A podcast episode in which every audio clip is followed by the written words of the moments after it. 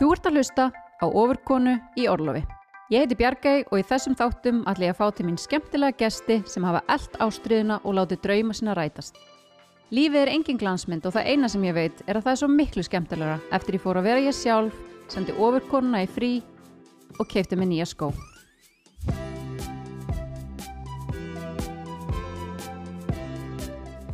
Ég ætla að halda áfram að spjalla við Byrnisif þar sem frá var horfið í síðasta þætti. En áður við byrjum þá ætla ég að segja ykkur frá mjög skemmtilegum viðburði. Frelsaði kraftin innra með þér sem verður í Salnum í Kóbói þann 4. november næstkomandi. Þetta er sjálfseflandi ráðstefna um hvernheilsu og ég hvet allar konur sem hafa áhuga á því að verða sterkari með sjálfstekkingu að kynna sér þennan viðburð. Ég verð með frábæra fyrirlesara með mér Við ætlum að hafa ótrúlega gaman, borða góðan mat og ég mæl með því að þið kíkið inn á text.is og kaupið ykkur miða. Það ekki alla vinkonur ykkur með og ef ykkur langar til þess að vita meira þá farið inn á frelsaðkraftin.is og sjáuð allt um þennan frábæra viðbyrð. En ef við höldum áfram þannig sem við vorum sem sagt, komnar á þann og mér fannst bara svo ótrúlega margt sem þú sagðir sem ég langar svo að kafa dýbra í Uh, ánþess þó að fara í bara að við verðum hérna bara, þú veist, fram á kvöld skiluru, Já. en það er bara svo margt sem að þú hefur að miðla sem mm -hmm. er langar virkilega til þess að, að hérna ræða um og kannski ef við förum bara svona innmitt aðeins inn í þetta því að við erum búin að tala um svona þína leið til þess að tengjast þér upp á nýtt og mhm. læra þú veist einmitt að uh, kynnast þér, bara hver þú ert og hvað þú vilt og allt þetta og hvert þú veist að stefna Um, þú nefndir aðna einn ofbóðslega stóran punkt sem við gætum í rauninni tekið sko heilan þátt upp og það er uh, vinnan með tögakerfið og þetta þekk ég svo ótrúlega vel mm. með uh, stóra áfallasögu og tögakerfið sem var gjörsamlega út brunnið Já. og þegar komið með tögakerfið sem er út brunnið mm. eftir langvarandi álag og streitu Já. og áfall og bara allanpakkan mm -hmm. og tögakerfið sem hefur þurft að hlusta á þessa neikvæðu innri rödd Já. sem þú varst um þetta komin á áðan að þú veist þegar einhver rósaði þér mm -hmm. og sagði bara eitthvað þú ert svo geggið í þessu Já. en innri röddin að innri röddin þín var bara eitthvað hún er að ljúa, Já. þú veist, núna er verið að reyna að blekja mig, þú veist, það er verið þú, veist, var, þú tókst því ekki sem e- raunveruleg eða öfugt og Já. þá kom imposturinn, bara það, það, þetta er það sem hún sér, en Já. hún bara en hún ef hún vissi Já, akkurat það, þannig að sko ef við byrjum bara þarna, tögkerfið mm -hmm. hvað gerðir þú til þess að vinna með tögkerfið þitt, til þess að geta komist á annan stað að Já. fara dýbra sko ég myndi segja að leikillin að öllu er mildi, mildi, mildi, mildi mildi, mildi, mildi, mildi, mildi. mm -hmm. að sko um, þó að mér langi rosa mikið um, til að vera bara að baka og ryksuga og vera ótrúlega glöð og hafmyggisum og sinna bönnunum mínum þá er tögakerfið mitt ekki samála og það vil ekki gera alla þessa hluti. Um, en þú getur ekki síndir mildi ef þú kannt ekki að hlusta á líkamann. Mm -hmm.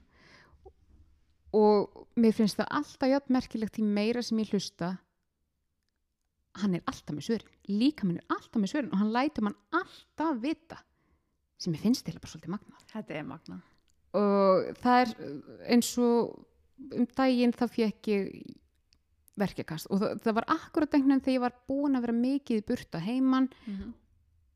og mér fannst eins og ég ætti að vera sinnabötnunum mínum Jú. og vera til staðars og þetta er ótrúlega erfitt mm -hmm. bara líka minn segir þú þart kvild, þú getur ekki áriti mm -hmm. en hausin vill áritið og vera innan um börnin og það er einhvern pínu þetta sko að vera með bara það að vera meðvitaður ég get ekkit alltaf lokað að mér inn í herbyggi og kvilt mig það mm -hmm. er mhm. ekkit alltaf í bóði mm -hmm. en þegar það er ekki bóði þá get ég ok ég er bara að fara að gera það sem ég get mm -hmm. það þýðir ekki að fara út í hjólatúr með börnunum mhm. kannski eru við bara að fara í kósistund að spila mhm. og horfa á, og horfa á vídeo eða, eða hvað sem það er en þetta mildi að, að vera ekki að rakka sér niður fyrir eitthvað sem þú hefur ekki stjórna og ég bara trúðu mér, ég hef ekki stjórna mínu töðakirfi, ég er búin að reyna ábóðslega mikið. Ó, þannig að og, og ég er svolítið með strax veikina. Mér finnst að ég dett oft í barka hvenar er þetta tímabil búið? Hvenar, og svo bara, ok, ég var í 35 ár að nýðast á tögakerfinu mínu. Mhm. Það tekur lengri tíma fyrir þessa hluti, að því tögakerfið er ekkit óbáslega klárt, sko. Mhm. Það búið, að ímynda sér að allt sé hætta. Mhm. Já, magnarinn er bilaður Magnarinn er þetta bilaður, já. Þannig að ma- maður þarf að gefa honum tíma til að átta sig, hefur, Mhm. ok, kannski er það ekki hætta. Já. En hann er rosa fljótur í að fara í, í hérna, alveg bara, og sem er líka svo stundum svo ósangjant að því að uh, kannski stendur mann eitthvað ótrúlega skemmtilegt til bóða til dæmis að kannski fara að hitta fólk og hafa gaman og eitthvað en tögkerfið er bara búið fyrir daginn Já. og þú getur ekki meir, það er bara raunverulega ekki hægt Nei. að gera meir akkurat. og þú þarfst jafnvel að hætta við og allt þetta þannig að Mhm. þú veist og þetta, þarna kemur inn að maður þarf að sína sér þetta mildi að geta sagt, þú veist, ég get ekki gert meira í dag Nei. og eins og varst að segja með börnin að, að þetta er nefnilega ótrúlega flóki sem foreldri að þurfa að setja þarna ákveðin mörk þú veist, að ég hef bara ekki meiri orku í dag þú veist, ég get ekki meir. Nei. og þetta er um eitt svona svolítið líkillin sko, sem ég held að við uh, vitum alveg að við þurfum að hafa hann Já. en við erum svolítið að sko íti svo undan okkur að segja bara nei, ég held bara áfram, fer áfram hnefanum. Jú, ég ætla að gera þetta og ég þarf að gera þetta. Og náttúrulega auðvitað er lífið þannig að það eru miljón hluti sem við þurfum að gera. Algjörlega. og stundum erum við að ganga á okkur uh, þú veist, þó að við séum alveg meðvituð ég ætti kannski ekki verið að gera þetta en ég meni ég verð bara, þú veist, og þannig er En lífið. það, mér finnst það, einmitt- það er líka svolítið líkillin að vera meðvitaður. Mhm. Og ég hef mitt, hérna, uh, við, já, mitt í bresti, vorum við geggja námski fyrir ADHD-konur í, í hérna vor, við ætlum að endur taka því haust. Ó, ég hlakka svo til að fylgjast með því. Það er, það er þetta sko, að því að fólk með ADHD er svo oft með grímu. Já, sem, og það er mitt kemur nákvæmlega þetta og veist í hver ert, alltaf með þessa grímu. Við komumst ekkit í gegnum lífið án þess að vera með grímur. nei, Ég er ekkit að fara húðskamma hérna, ömmu og elliheimili að því að hún saði eitthvað sem ég fannst óþægilegt gagvart skilur hins eginn fólki eða hvað sem er. nei, nei Þú veist, maður velur sér barátnar Ó, já, og þá setur þú grímuna en þú gerir það meðvitað. Mhm. Ef þú gerir það meðvitað, þá ertu ekki að trafka á þínum gildum. Þú ert ekki að, að gera lítið úr þér og þínum hugsunum. Mhm. Og það er eins með þetta. Ég get alveg tekið meðvitaða ákvörðun um, ok, ég ætla að fara í þetta matabóð Mhm. og ég veit að mun taka toll á mig. En þá verði ég líka bara að taka út þann dóm á morgun Já. og það er einhvern veginn allt annað í staðan fyrir að vakna bara af hverju er ég öll ómöguleg Já. þarna veit Mhm. ég af hverju ég er finnst þetta, þarna ertu komin inn á bara að, að hérna, þú ert komin langt í þessari vinnu að því að þarna þarf maður að, þetta hefur. þarna þarf maður nefnilega að geta, veist, greint á milli að því að það er líka alveg þannig að fólk sem að er að glíma einmitt við þetta bara að, hérna, þú veist, um, þreytt högakerfi Mhm. og það getur byrst á marga vegu -hmm. að margir auðvitað þá fara inn í það að upplifa bara veist, ég get aldrei gert neitt og byrja einmitt að einangra sig Mhm. og ekki taka af skarið og þor ekki en stundum þá þarf maður að taka þú veist, þetta skref og segja bara herðu, ég ætla að fara og því ég veit að það mun gefa mér svo mikið til dæmis af andlegri góðri Mhm. Akkurat, næringu að já. hitta vinkona mínar og allt þetta ég veit ég verð verkið Já. og ég verð ótrúlega þreytt á morgun en ég ætla kannski bara að fórna því núna fyrir þetta algjörlega þannig að maður þarf með eins og þú ert að segja þú ert að læra svolítið að lesa líka mann Já. og hva, hvist, hver eru mörkin og finna hver þau eru Já. og stundum er kannski bara alltaf lægi að fara aðeins yfir þau að því maður veit að ávinningurinn uh, verður meiri af einhverju öðru veist, þannig að maður þarf að vega og meta og ég held að þetta sé þetta sko þegar maður er að vinna sig upp úr svona Mhm. og ég, mynd, ég hef svo oft sagt þegar fólk hefur verið hjá mér í markþjálfun að hérna bara það er svo leðilegt að svarið er alltaf samskipti svarið við öllum vandamálum er samskipti Mhm. og það er þessi innri samskipti að Já. eiga þessi samskipti við sig Já. bara ok, ég veit að, að líka minn mun kannski ekki koma vel út úr þessu en ég veg það að, að það andlega sem ég fæði úr Mhm. þessu það skiptir meira mál í dag Já. kannski næstu viku þá Mhm. er það akkurat öfugt að Mhm. kunna að lesa á sjálfa sig Mhm. og taka þennan tíma mhm. frá til að eiga þessi samskipti við sig eitt af því sem hjálpaði mér í þessari vegferð að, þú veist, einmitt áttum á því hvenar ég á að e, bara algjörlega virða mörkin eða, þú veist, einmitt fara aðeins yfir þau og allt Mhm. þetta að það er að ég spyr sjálf með þessar innföldu spurningar á hverjum einasta degi og ég veit þetta hljóma rosalega Mhm. klískent og allt það og en ég, þetta er allt klísja er þetta er það. svo rétt já, nákvæmlega að ég spyr mig alltaf hvað er það sem ég þarf núna Mhm. og þetta nefnilega getur verið svo svakalega misjant þetta dögum uh, suma daga bara vakna ég og ég finn bara ég þarf að fá útrás núna Já. og ég þarf að fara í ræktina áðurinn í brefina Mhm. áðurinn ég gerir nokkuð annað um, aðra daga þá bara vakna ég og ég finn ég þarf kvild í dag Já. ég þarf hlæðslu, veist ég þarf að fara út og láta sólina skína mig Mhm. Uh, ég þarf bara að leggja sniður ég þarf að slaka á uh, jafnvel fæ ég þannig daga að ég bara, herði, ég þarf að taka kvild ég þarf að hugleiða, hlusta á hljóðbók bara slaka Mhm. og þetta er svo mikið lekill að því að vera í bæði góðum tengslum við sjálfan sig Já. en þú veist líka vera að hlusta á tögakerfi og líkamann og hugan Mhm. að það er bara að spurja sér þessar einföldu spurningar Já. hvað þarf ég Já. núna Já. og við erum svo rosalega góð í því að hunsa það sem líkaminn er að segja og, og senda okkur sér skilabóð og við bara höldum áfram og Mhm. Já. þjöstnumst Já. áfram og maður heldur einhvern veginn alltaf þetta lagast, þetta reddast Já, þetta lagast, þetta En það og það er nefnilega máli að, að, fyrir okkur konur sem erum hérna að glíma við langverandi, þú veist, einhverja lifum með einhverjum langvinnum sjúkdómum Akkúrat. e, og það gera allir sem hafa farið í örmögnum kulnun því að bara, þú veist, þetta lifir inn í ker kerfinu og það er í rauninni ekki hægt að lækna örmögnun kulnun Nei. en það er hægt að lifa með henni og læra leiðir sem að við getum nota okkur til þess að geta að lifa lífinu til fulls. Einmitt. þannig að veist, þetta er svolítið svona skemmtilegt að að pæla í, þú veist, hvað hefur hjálpað þér. Þannig að þá ætlum ég að sko fara bara beint yfir í næstu spurningu. Já. sko, hvað gerur bara til þess að svona bara trýta þig og láta þér líða vel að fá þessa velliðana tilfinningu bara í huga og líkama? Hvað gerur fyrir þig? Vá, þetta, þetta er góð spurning. Að því og mjög fyndið það fyrsta sem kom upp í hugan mesta veljiðunin kemur þegar ég er að trýta með því sem ég vantar akkurat þessa stundin Já, og þá er ég svo stolt af mér. Já. og, og ég mitt hérna erum mikið að djóka það er eins og þessi sko fattari, hann er svolítið bilaður hjá mér bara hvað þarf ég? Og bara að því fæ svo mikið dópa mín út því að vera að gera akkurat þetta sem ég er að gera núna og næja gangi verið öll mörg og ég var hérna, við vorum ballaus um helgina og það var náttúrulega geggja viður og ég, núna tek ég hennan pall og var að þrýfa upp og ég var að lifa svo góðu lífi. Að sko skrapa einhver gamla fytu bletti undan grillinu og bara með hlaðvarp í eironum og og, og þetta er þú að kalla sko trít, trít. að þrýfa grilli núna er ég bara eitthvað, okidoki. En það er sko trítið að fá að vera Já. bara í mínum heimi. Já, algjörlega í mínum Veist. heimi með mínum hugsunum og, og enginn að trubla mig. Já, engin börn heima. Og ég mani með sko maður minn kom út og bara ég ætla að lappa í sund, viltu koma með? Og ég horfði á hann eins og verið bilaður.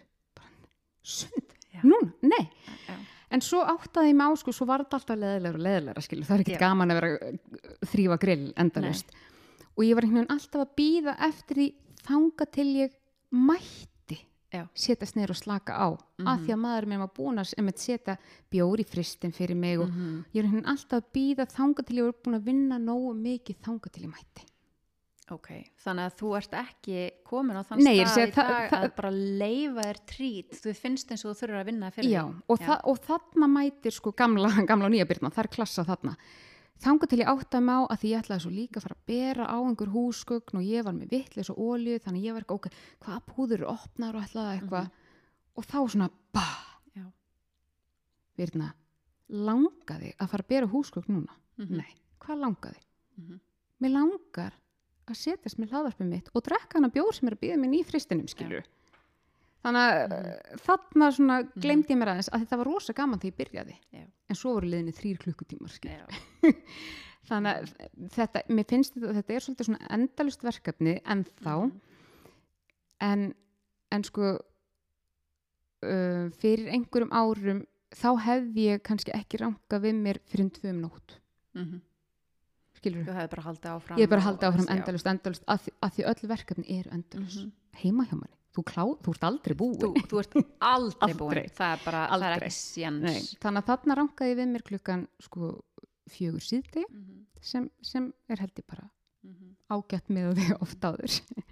En svona, já, það sem ég ég, ég hlust á líkamann. Ég, jóka hefur hjálpað mér rosalega mikið. Um, og það er svona, svona kannski fyrsta sporti sem hefur ennst til lengri tíma hjá mér. Já. og ég held að það hafi verið að því einhvern veginn ég var innan gæsalappa góð frá fyrsta tíma. Að því ég er svo liðu og ég bara heyrði, ég er bara ótrúlega góð í þessu. Þannig ég, hef alltaf verið með smá sjálfströst Já. í jóka uh, en á sama tíma þá hef ég líka alveg náða ganga frá mér Já. með jóka Þú Já, það er hægt að fara í allar áttur um allt maður getur alltaf gengið fram á sér Mhm. þannig að ég, já, ég Mhm. trýta mig með því að hlusta á þarfir mér finnst þetta bara ótrúlega flott og flottu punktur og mér finnst þetta nefnilega það sem hefur verið svolítið svona ég ætla að lega mér að sletta game changer fyrir Mm. mig að það er bara að e, ég er svolítið búin að breyta einhvern veginn öllu sem að var áður kvöð sem sagt að því að þegar ég var að fara alltaf á hnefanum -hmm. að þá til dæmis að borða holt og hreyfa mig, það var kvöð. Það var hvöð þú veist, það var eitthvað svona bara og ég nenni þessu ekki, þú veist, hvað ég bara nenni ekki að pæla í, Mhm. þú veist hérna næringunni og, og bara að reyfa veist, ég var bara svona hvað er að þessu liði, þú veist, alltaf eitthvað í Og- ræktinu og og eitthvað. þetta var einmitt sko, mér leið alltaf eins og allir væru, kannski að því ég var í feik veruleika, mér leið eins og allir væru í þessu bara er hún búin að ljúa svona mikið að sér að þessi gaman að vera út að hlaupa að hún, hún, er, hún er að reyna að selja mér? Og, og ég bara trúi þessu bara það finnst þetta lið. gaman. Já. já, það er Það- kannski ekki allir að, að nýðast á sjálfu sér.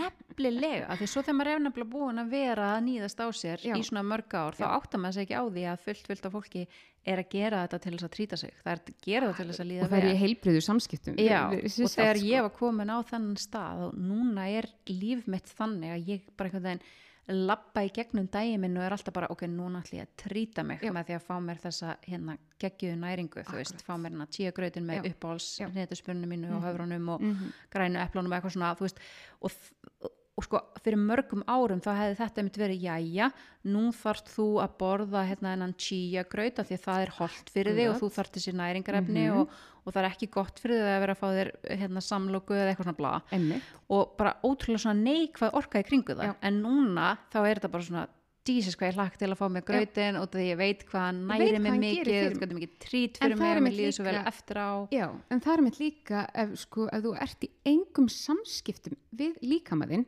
Akkurat, þá átta ég mig ekki einu svona á hvað tíagrautur gerir fyrir mig. Nákvæmlega það er bara svona af hverju að velja tíagraut þegar ég get fengið með kókapöfs Akkurat. Ég bara svo súper einfalt að hella því í skál. Ég veit það, en núna veit ég bara þú veist, ég, ég leifi mér mjög oft að, að fá eitthvað uh, sem ég veit að er bara svona í fyrsta lagi óholt en ég er líka búin að gera tenguna ég bara, ég veit ef ég fæ mér þennan bræðaref Mhm.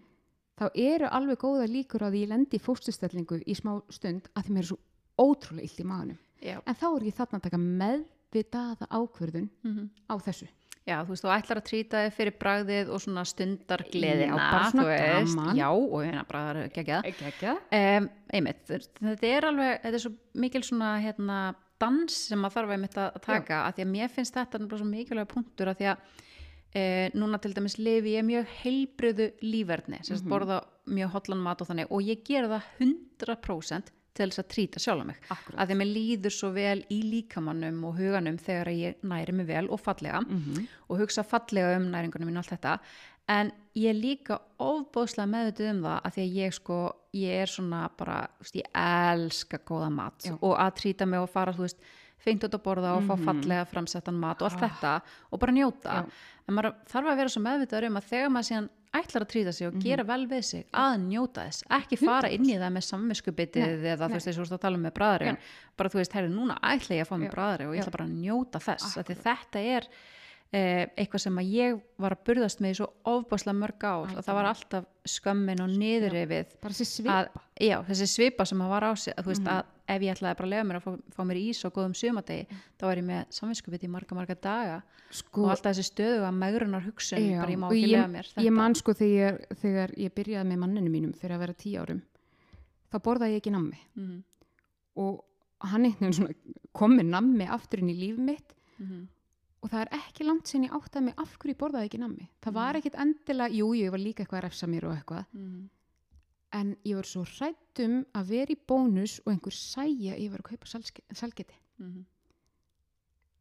Mhm. þetta er svo furðulegt og þarna var ég einhvern veginn bara ég vil ekki að fólk halda að ég sé bara að borða sælgeti Mhm. þarna, þarna var ég ekki að hugsa um mig Mhm. hvort mér langaði í sælgeti eða langaði ekki í sælgeti ég var bara að hugsa um ef svo ólíklega vildi til að einhver sæja að ég var að kaupa sælgeti og, og, og eins og einhver myndi fara að dæma þig fyrir það veist, þetta er, þetta er svo skrítið hvernig maður hefur þessar hugmyndir Já. um hvernig aðrir hugsa Já. um mann Já. veist, þetta er alveg, já og hérna, mér fannst einmitt sko þú komst aðeins inn á þetta bara að svona með einmitt skömmina og mér Mm. finnst nefnilega sko svo, þetta er svo ofbóðslega áhugavert Já. að skoða hvað skömm gerir fyrir líf okkar á heilsu -hmm.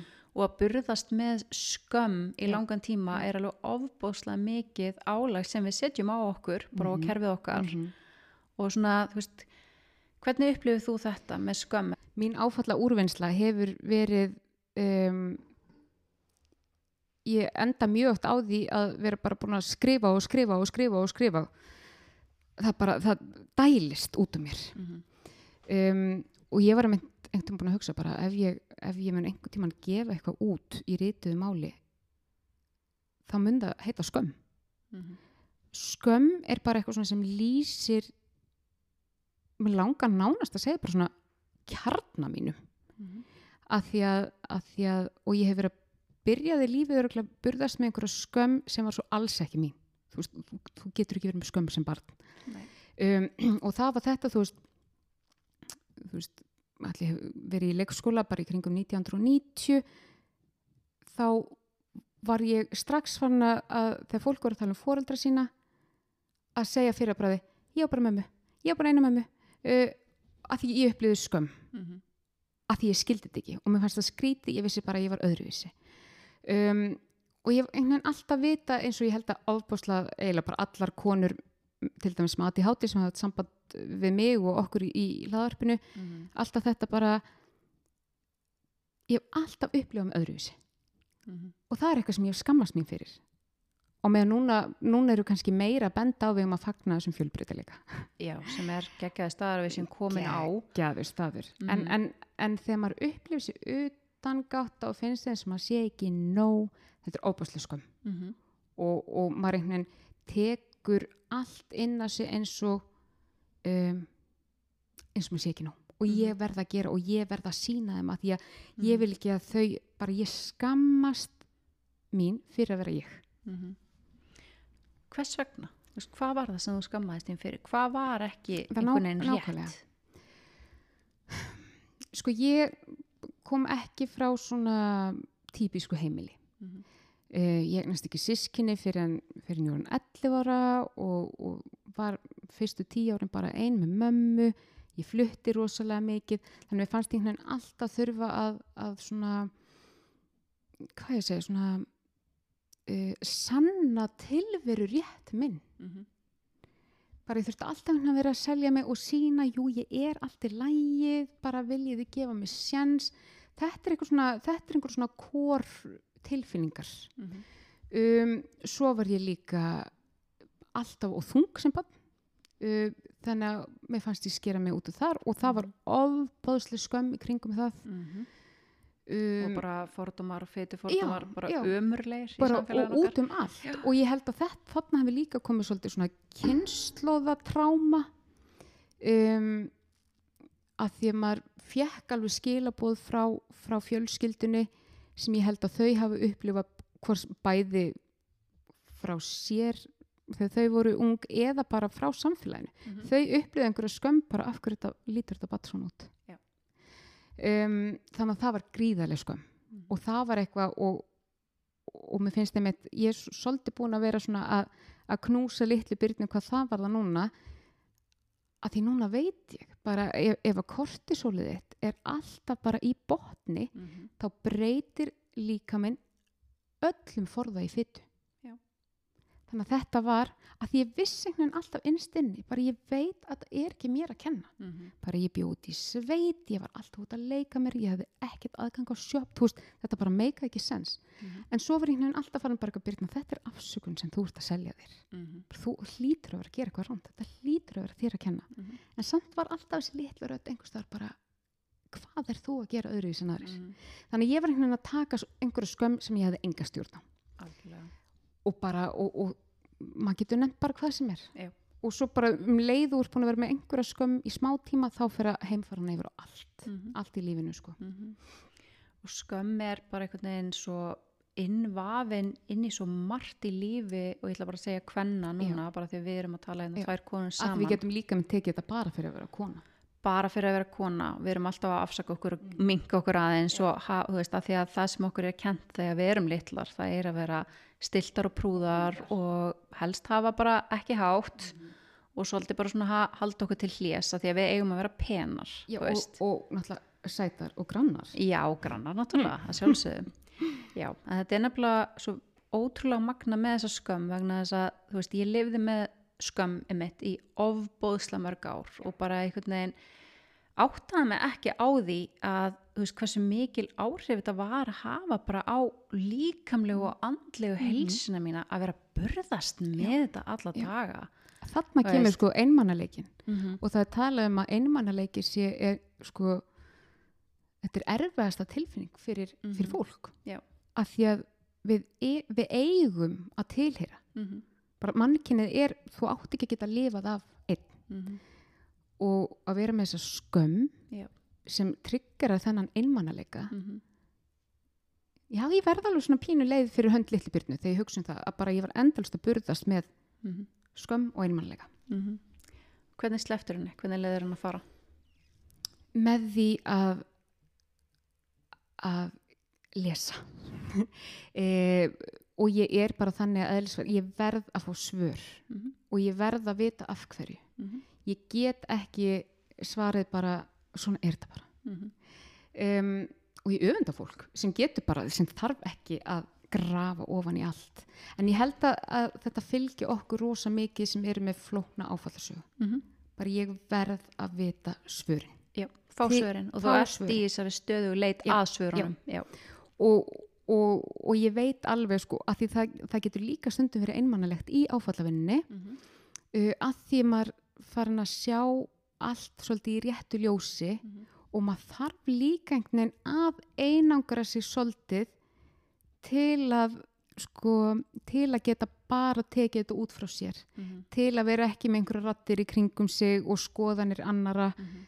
þannig að á, á marga vegur og svo náttúrulega líka stuðar það oft fólk Mhm. þegar maður farin að sjá hlutina í réttu ljósi þannig að þetta Og þegar þú breytist. þegar maður breytist Mhm. Sem ég skil að það er erfitt fyrir fólk og mér finnst það líka mjög erfitt sérstaklega þegar maður er með einstaklinga sem manni þykir ofbóðslavendum Mhm.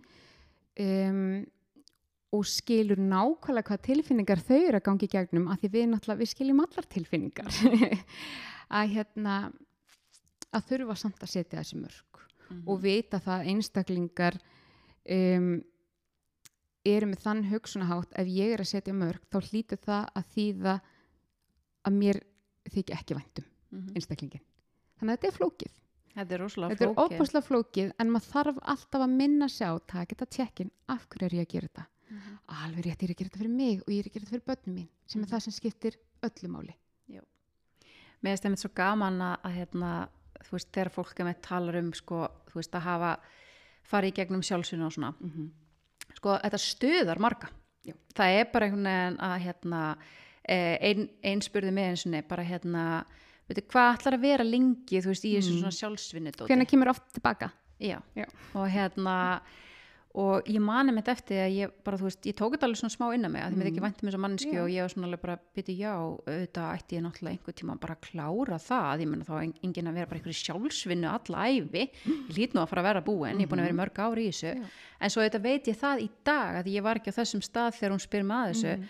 að sko sjálfsvinna er bara uh, hluti af lífinu Já. og bara svona þessi partur af því að vera manneski að við erum alltaf að læra eitthvað meira um okkur sjálf, við erum að þroskast og, og læra að skilja Mhm, okkur betur og, mhm. og þú veist, sjálfsvinnan er bara eðlilegu hluti af lífinu fyrir mér í dag en það er líka með þetta sko ég skil þetta svo ofbúslega vel að því talandum með svo alla fordóma sem ég veit að ég hef verið með í gegnum æfina Já. það kemur frá sko ég ég held að fordómar séu fyrst og fremst og þeir fordómar sem ég hef haft þegar ég horfi í baksinni speilin þá er þetta eitthvað sem er að að hérna vakka bátnum mm -hmm. í, í einhverjum aðstæðum sem ég er óryggi Mm -hmm. og ég mitt sagði þér þegar þú komst í viðtal hjá okkur í bresti bara að því ég er búin að fylgjast með þeirra samfélagsmiðlum í svo mörg ár en ég var svo lengi með þessa gaggrinnisrött bara ábáslega lífið einfalt hjá sér bjargægi og da da da da da og bara oh, er endalustur að tala um eitthvað andlegt. En það var bara til að sko róa mitt óryggi að því Já. ég vissi innst inni að þetta var rétt. Og ég vissi að þú var svona öryggi þínu skinni að því þú varst búin að hlúa þér. En það, það sko ég er að leita einhver orði. Það svona, það tryggerar mitt öryggi að vera bara í minni búblu og bara, Já. Algjörlega. skilur hvað ég við Já, bara algjörlega og líka nefnilega sko, og þú veist þess að ég talaði mitt um þeirra í viðtalinu hjá ykkur að hérna um, að þú veist á þessum tíma var ég líka mjög seg um það að vera að deila í raun og veru bara svona hápunktunum Mm. úr mínu lífi á samfélagsmiðlum og partur partur af því að hérna uh, byrja með þetta hlaðvarp er líka til þess að hafa meira rými til þess að tala um alls konar hluti sem að eru ekkert einhver glansmynd Já. vegna þess að núna er ég alveg virk á Instagram Mhm. og set mikið þar inn og svona og, og það er bara um, þó að maður vilji líka vera rár og raunverulegur og setja inn þú veist uh, bara mannleg sko heit og bara tilfinningar og allt þetta þá getur það bara verið óbærslega erfitt að kannski sitja út í bíl eh, þar sem þú hefur brotna niður eftir erfiðan dag, eitthvað sem hefur gerst að taka upp síman og, og byrja einhvern veginn, jæja uh, núna ætlum ég að deila með ykkur hérna að ég var að lendi því að eitthvað var óbærslega erfitt þess að þú ert svo ofbóðslega berskjaldadur Já, já. í þessum aðstæðum Mhm. að taka þig upp Já. og, og setja það út Já. Þannig að í mínum huga þá svona augljóslega ferðu svolítið inn í að bara þegar þið líður vel og þegar þú ert með hápunta þá er, því sem er eðlilegt og, og Mhm. bara þú kíkir gegnum myndaalbum þegar áður en snjallsímar komu Mhm. það var ekkert að vera að taka myndir af þegar fólki leið illa veist, þetta er eitthvað, mér langar að muna eftir þessu þegar mér leið vel og Já. mér langar að sína frá því Já. Þannig að þetta er alveg eðlilegt. Já, og, og ég er meitt búin að sko, þú veist, að því að rítskoðan er alltaf í gangi þegar þú ert ofinber manneski á samfélagsmiðlum um, sem er alveg eðlegt að því að þú veist, þú verður alltaf að velja hverju deili ég frá mínu lífi og allt þannig. Mhm. en eitt af því sem að skipti mig mjög miklu máli það er að vera góð fyrirmynd fyrir aðra konur og ekki sína mig öðruvísi heldur en ég er. Þannig ég tók til dæmis meðvitað ákvörðin fyrir tveimur árum, Já. þá fattaði ég til dæmis að ég var bara að byrta myndir af mér sem voru svona og svona andlitsmyndir svona í selfie stíl Já. ég passaði mig rosalega mikið að setja aldrei myndir inn á Instagram sem síndu allan líkama minn Akkurat. þannig ég tók meðvitað ákvörðunum nú ætlum ég að hætta því Já. og ég set myndir af mér í öllum aðstæðum þú veist, ég er bara í alls konar þú veist, á sundfötunum þú veist, í bara hérna, Já. og bara síni bara hvernig líkaminn er og, og reyni að, að hafa það svolítið svona að ég er hætt að fela mig og En líkamann minn. þarna held ég mitt líka sko mér, þó að þetta hefði verið kannski fyrir áður en við byrjum að tala svona rosalega opinskátt um allt saman mm -hmm. sko þarna var þetta bara þitt uh, sko, sko þín litla sjálfsmynd. Já, af því að fólk var inn á miðlunum til að hlusta á eitthvað. Emitt og en einhvern veginn í einhverju sko engri raukhugsun bara nei, fólk við dörglega ekki tala við mig eða sér hvernig maga ég er með Þetta er nefnilega, við erum svo vissum að sko við getum alltaf bara verið eitthvað eitt. Já. Þannig að, að, hérna, að það sem ég tengi svo mikið við þetta er að að þegar ég fór svona inn á þessu andlegu vegferð mína, Mhm. skilur þú veist, um, að þá einhvern veginn fór ég með þetta að hugsa svona, já, þarf ég þá, þarf ég þá alltaf að vera í einhverjum svona jókabuxum að drekka te, skilur en máli er bara að mér finnst bara ógæðslega gaman að vera í Gucci skóm og þú veist með einhverja, þú veist, eitthvað glimmer og eitthvað geggjað eh, og þetta tók mig alveg nokkur ár að leifa sko öllum mínum svona persónuleikum Já. að algjörlega og að sko virkilega leifa mér, Mhm. þú veist, að eins og Instagraminu mín í dag, þú veist, ég er alltaf að posta einhverju það sem ég er að labba á tánum Einmitt. gras og eitthvað og ég meina fullt af fólki horfur bara eitthvað, oh my god, þessi típa Já. Eitthvað bara yeah right, mm hún Mhm. sé eitthvað bara að hérna labba tánum einhver grasi, hún er potið bara tekið þetta upp eitthvað svona til að að setja á gramminu eitthvað, en þarna er ég bara, úst, ég er bara hætt þessari sjúklegu rítskoðun Hætt, og leiði mig bara að að vera pæla í ég. hvað aðrir gætu mögulega hugsað. Já, nákvæmlega, að því að manni er í raun og veru bara drull. Mann er svo sama. Já. en mér finnst þetta líka sko þetta er nákvæmlega og ég held að þetta komi frá að vera með eitthvað svona fyrirfram hugmyndir já, ef þú, ef þú ert að hugsa um andlega heilsu þá, þá ertu bara að fara í vera einhver svona jóka, hippa, dóti. Um, það er þetta sko og alveg eins og að vera þú veist eins og þeir fóru gennum virk. Mhm. um, eða bara þú ert að fylgjast með á TikTok eða Instagram bara ef þú ætlar að ná andlega heilsu og verður að gera þetta og þetta og þetta. Og margt í þessu óbúslega gott. Mhm. en það eru kannski bara 2.10 sem henda mér að taka ekki allt bókstaflegt þú verður að átt, þú verður að taka púsl hér og annað þarna og Mhm. annað þarna Mhm. og búa til svona klæðskera sniðið verkværi fyrir þig Mhm. Þetta er einmitt svo mikilvæg punktur að, að einmitt að veist, finna sína leið Já. til þess, veist, að því að líka andleg vinna og bara sjálfsvinna getur verið svo ólík fyrir mér og þér Já. Og bara, þú veist, eins og þegar ég spyrðu um, þú veist, hvað gerir til að trýta þau? Og þú byrjar eitthvað að tala um hann að skrapa pallin og grillið og ég er bara eitthvað svona hvað er hún að tala um? Þú veist, að því að ég, bara þegar ég hugsa um eitthvað svona, þú veist, geggja trít þú veist, þá sé ég bara fyrir mér, þú veist, að fara í spa og, veist, og bara eitthvað svona trýta mig eitthvað þannig, þú veist, Já. ég bara aldrei í lífinu myndi ég sjá, þú veist, einhverja pallavinnu og eitthvað fyrir mér í sem trít, skilur já. Þannig að veist, þetta er svo skemmtilegt að við svona pælum svolítið bara hvað er það sem gefur mér næringu og, Já. hvað, veist, og hjálpa mér og þa þannig náttúrulega líka í allir þessari uh, sjálfsvinnu, þú veist, og þegar við erum að, að vinna með okkur sjálf. En það er einn liður sem að mér langar til þess að vera alltaf með í hlaðarpinu uh, sem að heiti bókaklúburinn og hérna og ástæðan fyrir því að mér langar að vera með bókaklúbin það er bara því að ég hef mjög mikið áhuga á bókum og les mikið á bókum og hlusta líka hljóðbækur og það hefur gefið mér svo mikið í gegnum bara lífið mitt að ekki hlusta og bara svona fara inn í veist, hugarheim annara og hvort sem að það eru með skáldsögur þú veist og glæpasögur og bara allt þetta eða einmitt einhverja bækur sem að e, eru um reynslu fólks eða einhvers konar sjálfsjálfa bækur og allt þetta. Þannig að mér langar þess að spyrja þig e, er einhver bók svona í þínu lífi sem hefur haft áhrif á þig? Já, sko, ég hef náttúrulega aldrei verið mikil bókaormur og hef mitt skammaði mig rosalega mikið fyrir það í æsku en ég er bara á erut með að halda aðtikli en ég elska ég dettin í bækur af því þá bara hverfur allur umheimurinn og það er svo æðislegt að ná þeirri tilfinningu. En það var bók sem ég datt inn á sem ég hlustaði á síðasta sumar sem var svona kveikjan á því bara jú, auðvitað þarf ég að fara í þetta nám og ég verð að fara í það núna. Og hún heitir, þetta er svona sjálfsjálfabók og kannski ekkit frábær en hugmyndafræðin á bak, jú, jú, mjög stund frábær. En það var svo flott hugmyndafræði sem setur svo vel í mér og hún heitir The Code of the Extraordinary Mind. Eftir hann um, hvað heitir hann? Vissan eitthvað, mér hann sé frá mann það ekki, Indonésiu getur verið, Mhm. mm já. Um, þar sem hann talar um nákvæmlega þetta sem við erum búin að vera svo mikið að tala um um, að við erum alin upp í svo formföstu kerfi.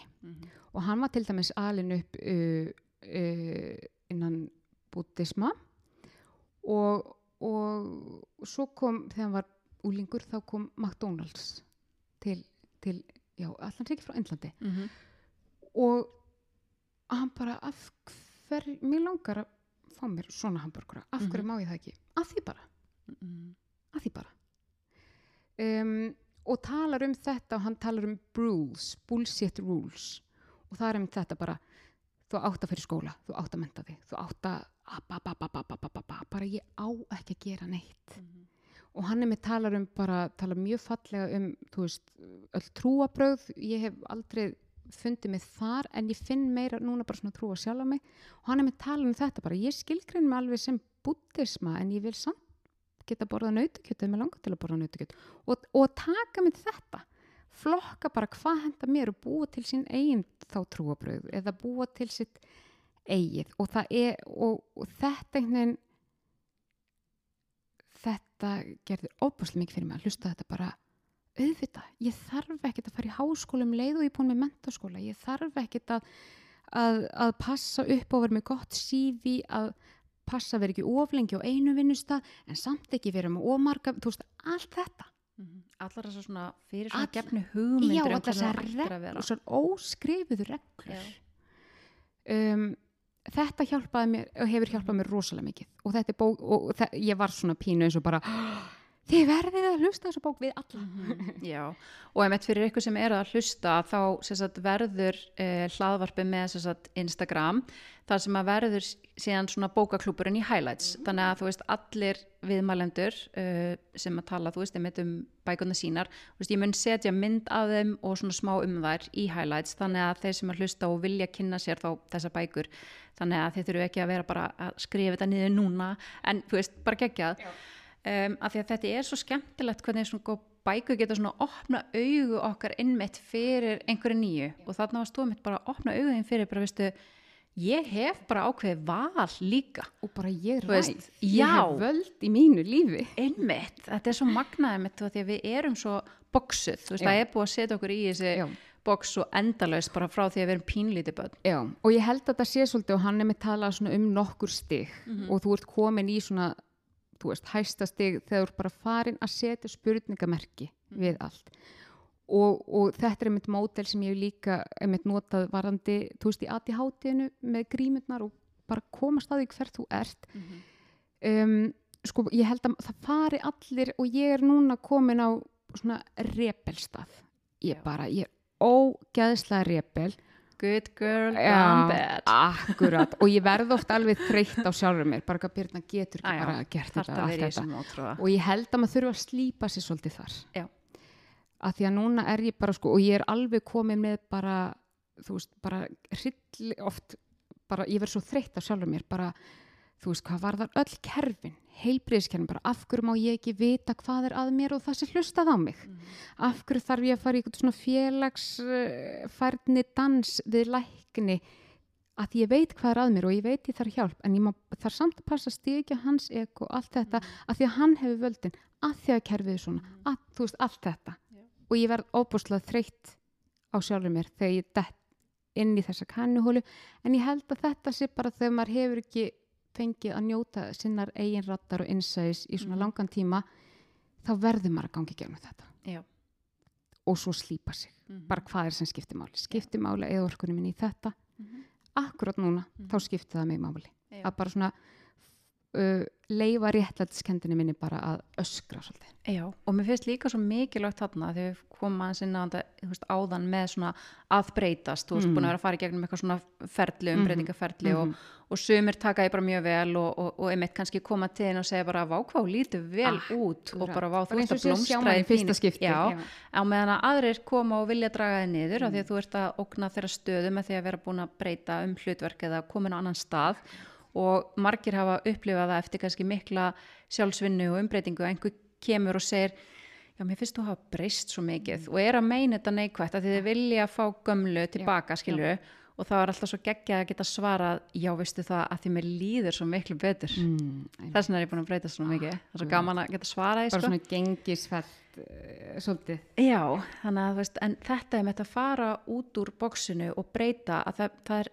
þarna kemur inn á einn skilabóð sem er svo mikilvægt að miðla, sérstaklega bara einmitt til hvenna sem að upplifðu svona þetta að vera góðastelpan og alltaf einhvern veginn að fylgja uh, strömmnum og, og eldast við þessa ímynd sem við höldum við eigum að vera og við þórum ekki að vera við sjálfar, að því við erum svo vissar um að þá bara, þú veist, mun einhvern veginn allt hrinja, að því að við þurfum einhverja ákveðna ímynd og við þurfum að eldast við hana og svo ef við leifum okkur bara að vera við og bara í öllu okkar veldi, þú veist, að sína okkur nákvæmlega eins og við erum og bara leifa okkur að vera, þú veist eh, kvenlegar og, og hérna leifa kynvörun að koma fram og leifa hugmyndunum okkar um bara, þú veist, bara, þú veist, allt allir draumanar okkar og allt sem við þráum að bara leifa því að koma út og hafa röddina eins og þú er búin að vera að finna röddina þína. Að það er svo geggjað að vera komin á þennan stað að upplifa þetta frelsi að meiga bara vera eins og maður er Já. og ekki vera að draga og halda einhvern veginn aftur af sér. Algjörlega. og það sem er svo mikilvægt þarna það er að það má breyta um skoðun. Alltaf. Og bara, þú veist, að því að þetta er eitthvað sem ég hef upplifað verandi, veist, orðin rétt rúmlega fertu kona að mér finnst svo skrítið í dag að ég kannski bara segja eins og svo að bara prófa eitthvað nýtt sport og bara finnst það geggjað. Og þá kemur einhver tíminn sem er búin að þekkja mig lengi og segja bara byrju, þú varst aldrei í þessu. Eða, Ég mann þegar þú varst að gaggrina alla sem voru hérna Já, með eitthvað þannig. Já, já. og mér finnst, mér er svo geggja að geta bara sagt veistu, ég vissi ekki að mér þótti þetta skemmtilegt. Ég hafði aldrei prófað það. Mhm.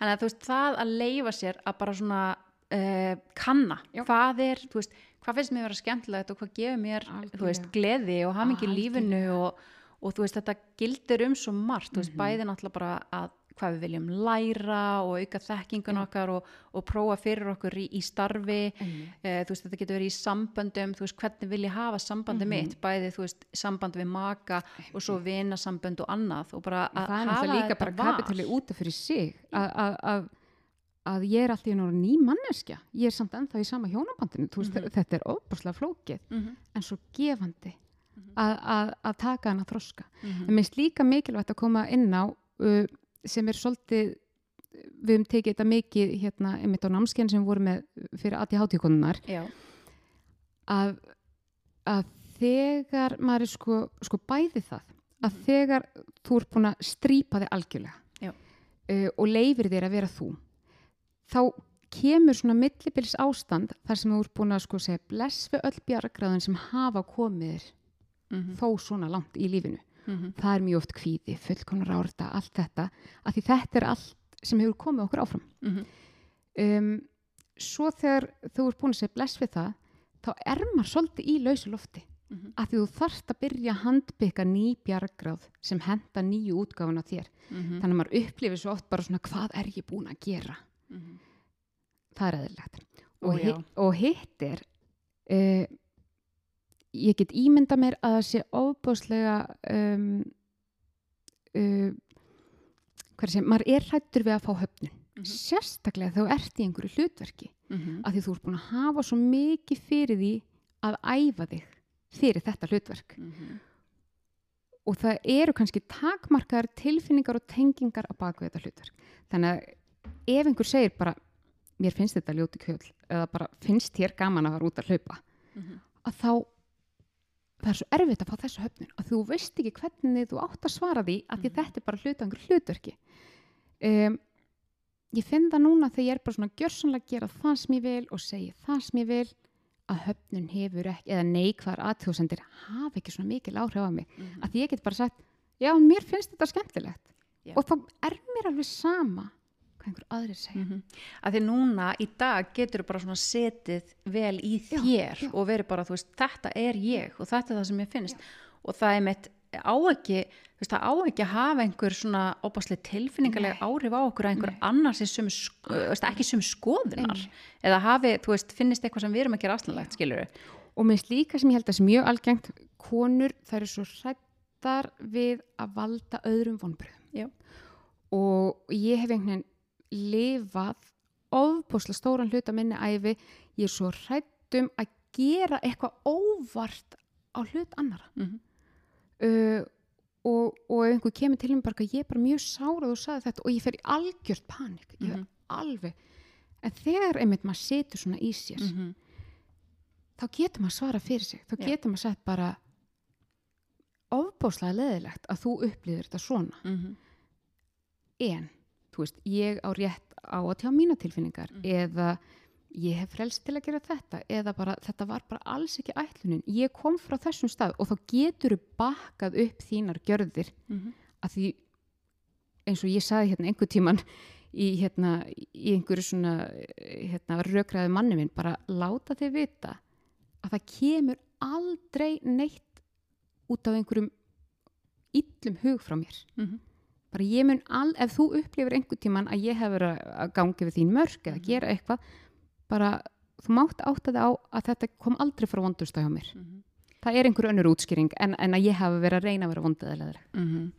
og sko, veistu það, þú er svo geggjaði viðmælandi út af því að þú sko ert að fara svona rólega yfir í það sem ég ætla að hafa sem loka spurninguna vegna þess að mig langar eh, til þess að loka spurningin Mm. eh, verði þetta að því að þannig er ég að upplifa svo ofbáslega sterka tengingu við að ég er líka kona sem búin að fara í gegnum svona gríðarlega mikla sjálfsvinnu en á sama tíma verið í nánu sambandi við mannesku lengi og ég er búin að vera með manninu mínum í 25 ár.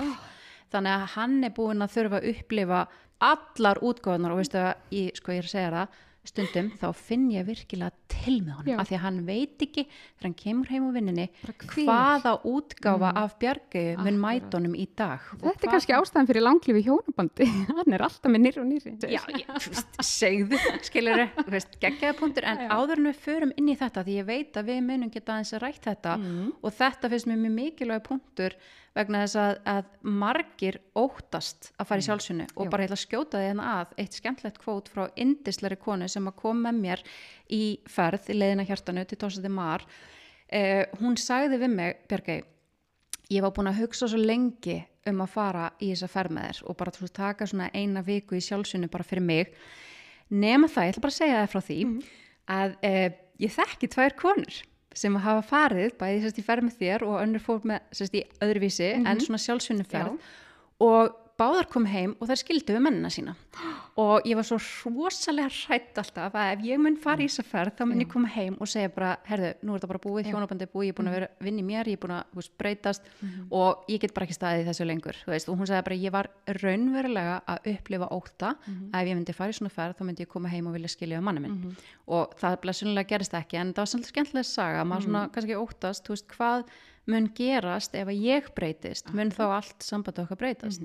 En áður en ég leifi þér að svara og aðeins koma inn á þetta og langar mér að segja þér frá eh, öðrum eh, styrtralega þáttarins sem að er æsver.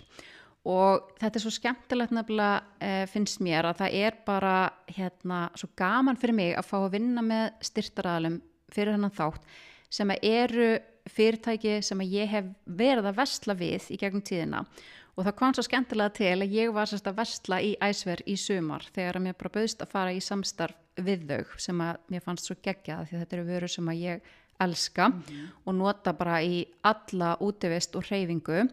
Og það er bara svo skemmtilegt að fara inn í æsver að því þú finnur í rauninni sko bara, þú veist, það er fyrir náttúrulega alla aldursflokka, þú veist, börn, ónlinga, fullorðna.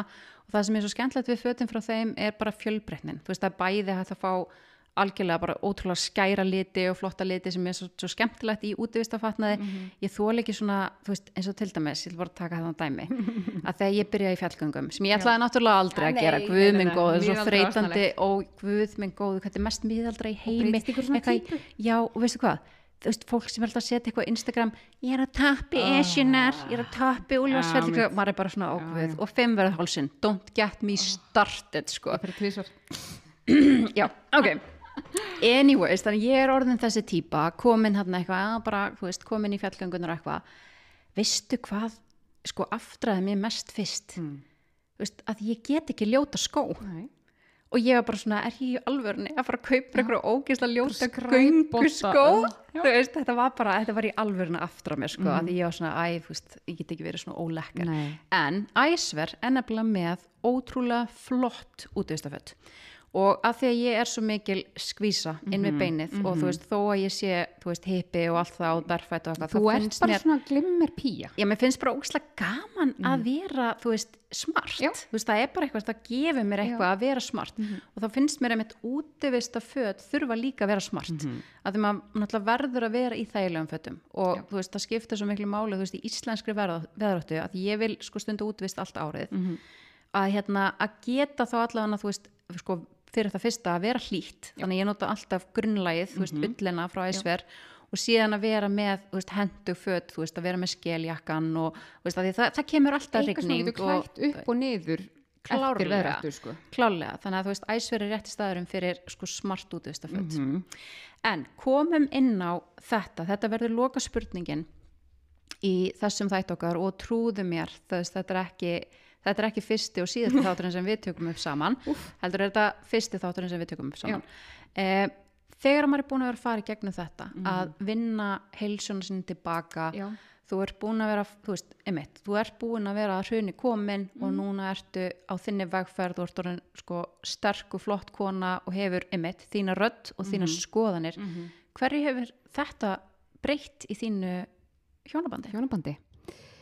Sko, uh, miklu meira en ég held. Um, og það er einhvern veginn svona maður byrjar alltaf svolítið þú veist, ef maður ímynda sér lauk maður byrjar einhvern veginn alltaf á einstaleginu og svo er maður rosa lengi svona að reyna að hlaupa í kringum kjarnan mm Mhm. af því að þar eru erfiðustu tilfinningarnar og og það er óbúslega auðvelt að trúa því bara það er allt í góð hjá okkur. Af því að þú flýrð öll vandamál þá er alltaf allt í góðu. Mhm. en maður er kannski ekki brjálasla hamingjusamur. Það, er allt, það er annað. Og það er svolítið með uh, okkur og það er bara þekkt úr, úr öllum meðferðafræðum og, og allt sem heitir mannlegt að við sækjum í öryggi. Já. og ég kem með einhvern bakpóka úr æsku og það eru það eru, og það var líka gott að þegar ég átt að með þessu, það eru engar tilviljanir að ég hef oft lent í klóm ofbeldismanna til dæmis að því þeir bara kunna lesa þetta. Mhm. og eru margir hverju með svipaðan bakgrunn. Og maður minn hann er líka með svipaðan bakgrunn og ég. Um, og, og þau, sambandi bara hún byrjað þannig að við vorum bara svo heppin með hvort annað. A- allavega. En, en þegar ég fyrir gegnum að sjálfsvinnu þá er það líka einhver svona ógnað augurinn við hann. Mhm. sem er alveg eðlilegt. Og einhverjum tímapunkti þá, þá er ég á þeim stað bara eitthvað, núna er ég bara með aðra kröfur og væntingar til lífsins. Og þetta er ekki nóg fyrir mig. Það er ekki nóg að við séum bara hérna eitthvað nánast bara segja hæ og flýja öll vandamál. Og auðvitað er það svona þannig að ég fór kannski, jú ég var vissulega pínu tilnitt í þessa vegferð en ég hefði ekki þurft að fara svona djúft eða langt. Um, en það er svona pínu bara þegar þú ert búin að sjá stóru myndina þá getur ekki bakka, þú getur ekki farið aftur inn í skilina. Þannig að þannig að hann var kannski svolítið svona tilnittur frá mér í sína vegferð. Mhm. þannig að þetta er, og það hefði einmitt alveg eins og þú talar um skilnaðina ef að hann hefði ekki verið tilbúin tilbúin að líta inn að við og fara í sitt og ég man eftir bara svona mjög heiðarlegu samtali þar sem ég átti við hann bara mig langar í þessu hjónabandi. Af því það hafa aldrei verið erfileikar hjá okkur, aldrei. Þannig að þess vegna er rosa skrítið að segja allt innum með manni sinn, mig langar í þessu hjónabandi en ég er ekki að fara að sætta mig við þetta óbreytta ástand til frambúðar. Mhm. og það er erfitt ímyndaði mér fyrir makan sem hefur alltaf bara verið það er alltaf góð hjá okkur að fá allt í hennu eitthvað svona. Mhm. Bara hvaðan kemur þetta Mhm. þannig að þetta hefur að fara í svona sjá- mikla sjálfsvinnu hefur áhrif bara á alla ánga lífsins, Mhm. allstaðar Finnst þér þetta hafa styrt sambandi ykkar frekar heldur en að, að svona, þú veist, finnst þér þetta að vera um, svona hafa hjálpað ykkur til þess að, að sko byggja sambandi svona, hérna, gera það sterkara? Algjörlega. Og náttúrulega bæði og, og þetta eru margir kaplar eins og, eins og bara allt lífið. Fyrst var þetta náttúrulega bara sko hann mér langar að segja sko í marga, marga, marga mánuði. Uh, hann var rosa fljótur að koma inn með hennar skilning. Mhm. bara og sérstaklega það er, ég mæli með það er rosa gott að, að leifa mögunum að fylgjast það hans með. Eins og ég var einhverjum svona súnámskjum og bara, herðu, það er í alvörinu líkamlega enginni Mhm. þannig að hann tók svolítið boltan á heimilinu í, mér langar að segja örgulega ár. Þar sem ég bara lá fyrir og hann gerði engar kröfur á að ég myndi mæta á leikskóla skemmtanir, allt þetta sem er með stærri gjöf sem ég hef fengið. Þannig að ég var ofbúslega þakklátt fyrir það en á sjálfsögðu tekur það líka á hans hilsu og, og ég held að maður líka átt að segja því. Mhm. og hann er mögulega þegar núna þegar ég er orðin sterk þá leifir hann sér Mhm. að því hann finnur að hann uh, má setja súrefninskrínum á sig skilur, hann Mhm. finnur að núna er kannski hans tími til svona aðeins að Mhm. á þess að hlutunum þannig að þetta er óbáslega flókið Þetta er það og, og líka bara, þú veist, eins og ég var að grínast svona kannski svolítið með það bara að, að stundum bara finna til með manninu mínum að hann viti bara valla hvaða útgáfa af Einmitt. mér muni mæta næst, skiluru. En þá á sama tíma þá náttúrulega í öllum samböndum þá þarf maður að geta þroskast saman. Og, og ég menna eins og hjá mér, þú veist, 25 ár, það er engin sama manneskjan í öll þessi ár. Þannig að þú ert alltaf búin að vera að fara í gegnum mismunandi tímabil og, og bara svona einhvern veginn, mér hefur einmitt alltaf fundist ótrúlega fyndið þegar einhver spyr mig er ekki skrítið að vera búin að vera með sama manninum í 25 ár? Og ég bara, e, ég er ekki búin að vera með sama manninum í Nei, 25 nei. ár. Bara trúðu mér, hann einu er búin að breytast og- mjög já. mikið, já algjörlega þannig að, og, og, og ég líka. En þetta er með sko, hefur verið mjög stóra áskorun, bara þú veist, í mínu hjónabandi að það er það að ég breytist vegna þess að þetta er einmitt eins og talar um veist, þetta öryggi sem að við sækjum í að, að, að eins og maður minn, hann upplifið þú veist að hann átti ákveðna konu sem að lifði lífinu sínu á ákveðin hátt. Síðan ákvað hún að e, bara fara í uppreist Já. og sagði upp sínu hlutverki sem, að, sem framkvæmdastjóri þriðuvaktarna til dæmis. Akkúrat. bara algjörlega sagði upp störfum sko. Og, hérna, og við þurftum að fara í gegnum bara mjög eh, bara flókið ferli til þess að leiðrétta þar bara stóra skekkjur sem að átti sér stað til dæmis í jafnrétti inn á okkar heimili. Þar sem að ég hafði tekið ábyrð á börnum og heimili í svo óbúslega mörg ár og þegar ég vildi ekki lengur vera ein með þá ábyrð að þá var ég svo sannarlega að rugga bátnum Já. Og ég get alveg viðkjönd það að það var mjög fyndin, það voru líka mjög fyndin moment svona þegar að, þú veist, til dæmis var maður minn alltaf bara rosalega vanur því að koma heim og vinninu klukkan 6 og fá bara kvöldmat Eh, það var rosalega skrítið fyrir hann að koma allt í henni bara heim og ég var tilbúin í æfingafötunum og ég var að fara í jóka og enginn Og- búin að fara út í búðið að pæla í, og í mat ég sko. sagði bara, hæ elskan mín, hvernig var ég vinni í dag og, og hann bara, já, fínt og, og er, er það að fara eitthvað? Já, ég er að fara í jóka, Já. við sjáumst. Já. og hann bara stóð eftir og bara bytti, ha, bytti á ég að gera matinn, bytti hvað er að fara að gerast, skilur þannig að þetta er um, þetta er viss, þú veist, þetta er algjörlega þannig að þú ert að hérna búa til ákveðnar aðstæður þegar þú breytir. Já. sem að þið munum síðan þurfa að tækla saman af því að, að hérna, uh, það er ekki hægt að hafa allt eins eins og var. Nei. Og maður þarf að geta farið saman inn í breytingar. Algjörlega. Og mér finnst þetta bara frábært með hvernig þú ert búin að lýsa þessu og þið eru greinilega búin að vera í, í vinnu uh, að, mikillig og, og eins og ég segi, þetta er langklub er og það er ekki langt síðan ég áttaði mig á bara ég er ekki sama manneskjan mm -hmm. heima hjá mér. Mhm. og ég er úti. Já.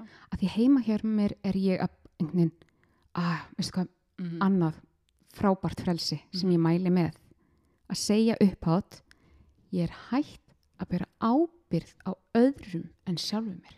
Já, vissulega börnunum mínum en skiluru ég Já. ber ekki ábyrð á líðan maka. Nei, ég ber ekki ábyrð á neinu öðru en mér. Þannig að og, og ég held að þetta sé líka út frá öllu sem við erum búin að vera að tala um að einhvern veginn ég kom heim og ég skynna strax að það er eitthvað ekki, ekki gott skap að ég fara að breyta mér tippla í tánum, reyna að býða Mhm. og að segja þetta upp fyrst þarf náttúrulega átt að þetta á þessu og að- finna kjarkin til að segja upp átt bara Mhm. ég þarf að geta treyst á ef þú ert ósáttur við eitthvað sem ég er að gera algjörlega ég þarf að geta treyst á að þú sérst ekki bara pyrraður út í mig án þess að vera búin allan að gefa mig tækifæri til að laga það eða tjá mig um það Mhm. þetta frelsi bara ég ligg upp í sófa og ef einhverju pyrraður út í mig þá get ég treyst á hann kemur til mín og segir mér það. Mhm. í staðan fyrir að vera ofugsa bara þarf ég ekki að fara að standa upp að ég held að rosalega mikið að minni örmögnun sé út frá einhverjum fyrirfram gefnum hugmyndum sem ég held að einhverju var að hugsa um mig sem ég held að ég ætti að vera að gera en svo var það kannski ekki bara. Mhm. þannig að bara samtal nummer 1, 2 og 3 en það er óbáslega erfitt að fara úr þessu öryggi og svona allt í enn maður verður pínu kjánalegur bara svona, Mhm. ég er hérna að spá þar aðeins að segja svolítið hérna, og, Mhm. í staðan fyrir að vera alltaf bara að tala um veðrið og hvað ég var að hafa í matinn og Mhm. Já. Eh, þetta, þetta er óbáslega mikil þroski og erfitt en það er svo gott að komast yfir hennar múr Já.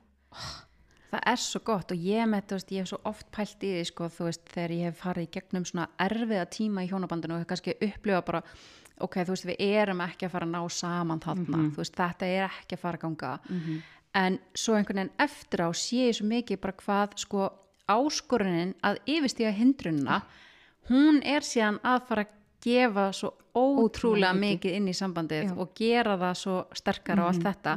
en þannig er einmitt líkillin sem þú sagðir þú veist, við þurfum að vinna þetta saman, við þurfum að eiga samtölin Já. og við þurfum að gera vinnuna saman af því það er ekki bara hægt að koma til dæmis og segja við makan sinn herðu, nei, þú veist, mér líkar þetta ekki lengur hérna, ég vil hafa þetta svona Mhm. Nei. og síðan bara aldrei ræða það meir Nei. þú veist, það þarf að fara inn í þessa vinnu bara hvernig ætlum við þá að breyta Mhm. Þú veist, eins og til dæmis, hvernig ætlum við að breyta hluturkunum okkar og, og hérna og allt þetta og sko við mitt, rættum þetta ekki ég held að og, og það, það gerast líka bara svo ótrúlega hlutir þegar maður er einu komið sjálfströst mm og þá einhvern veginn- þá veginn setur maður svona sjálfkraf einhver mörg að því Mhm. fólk er ekkert að fara að þóra Já.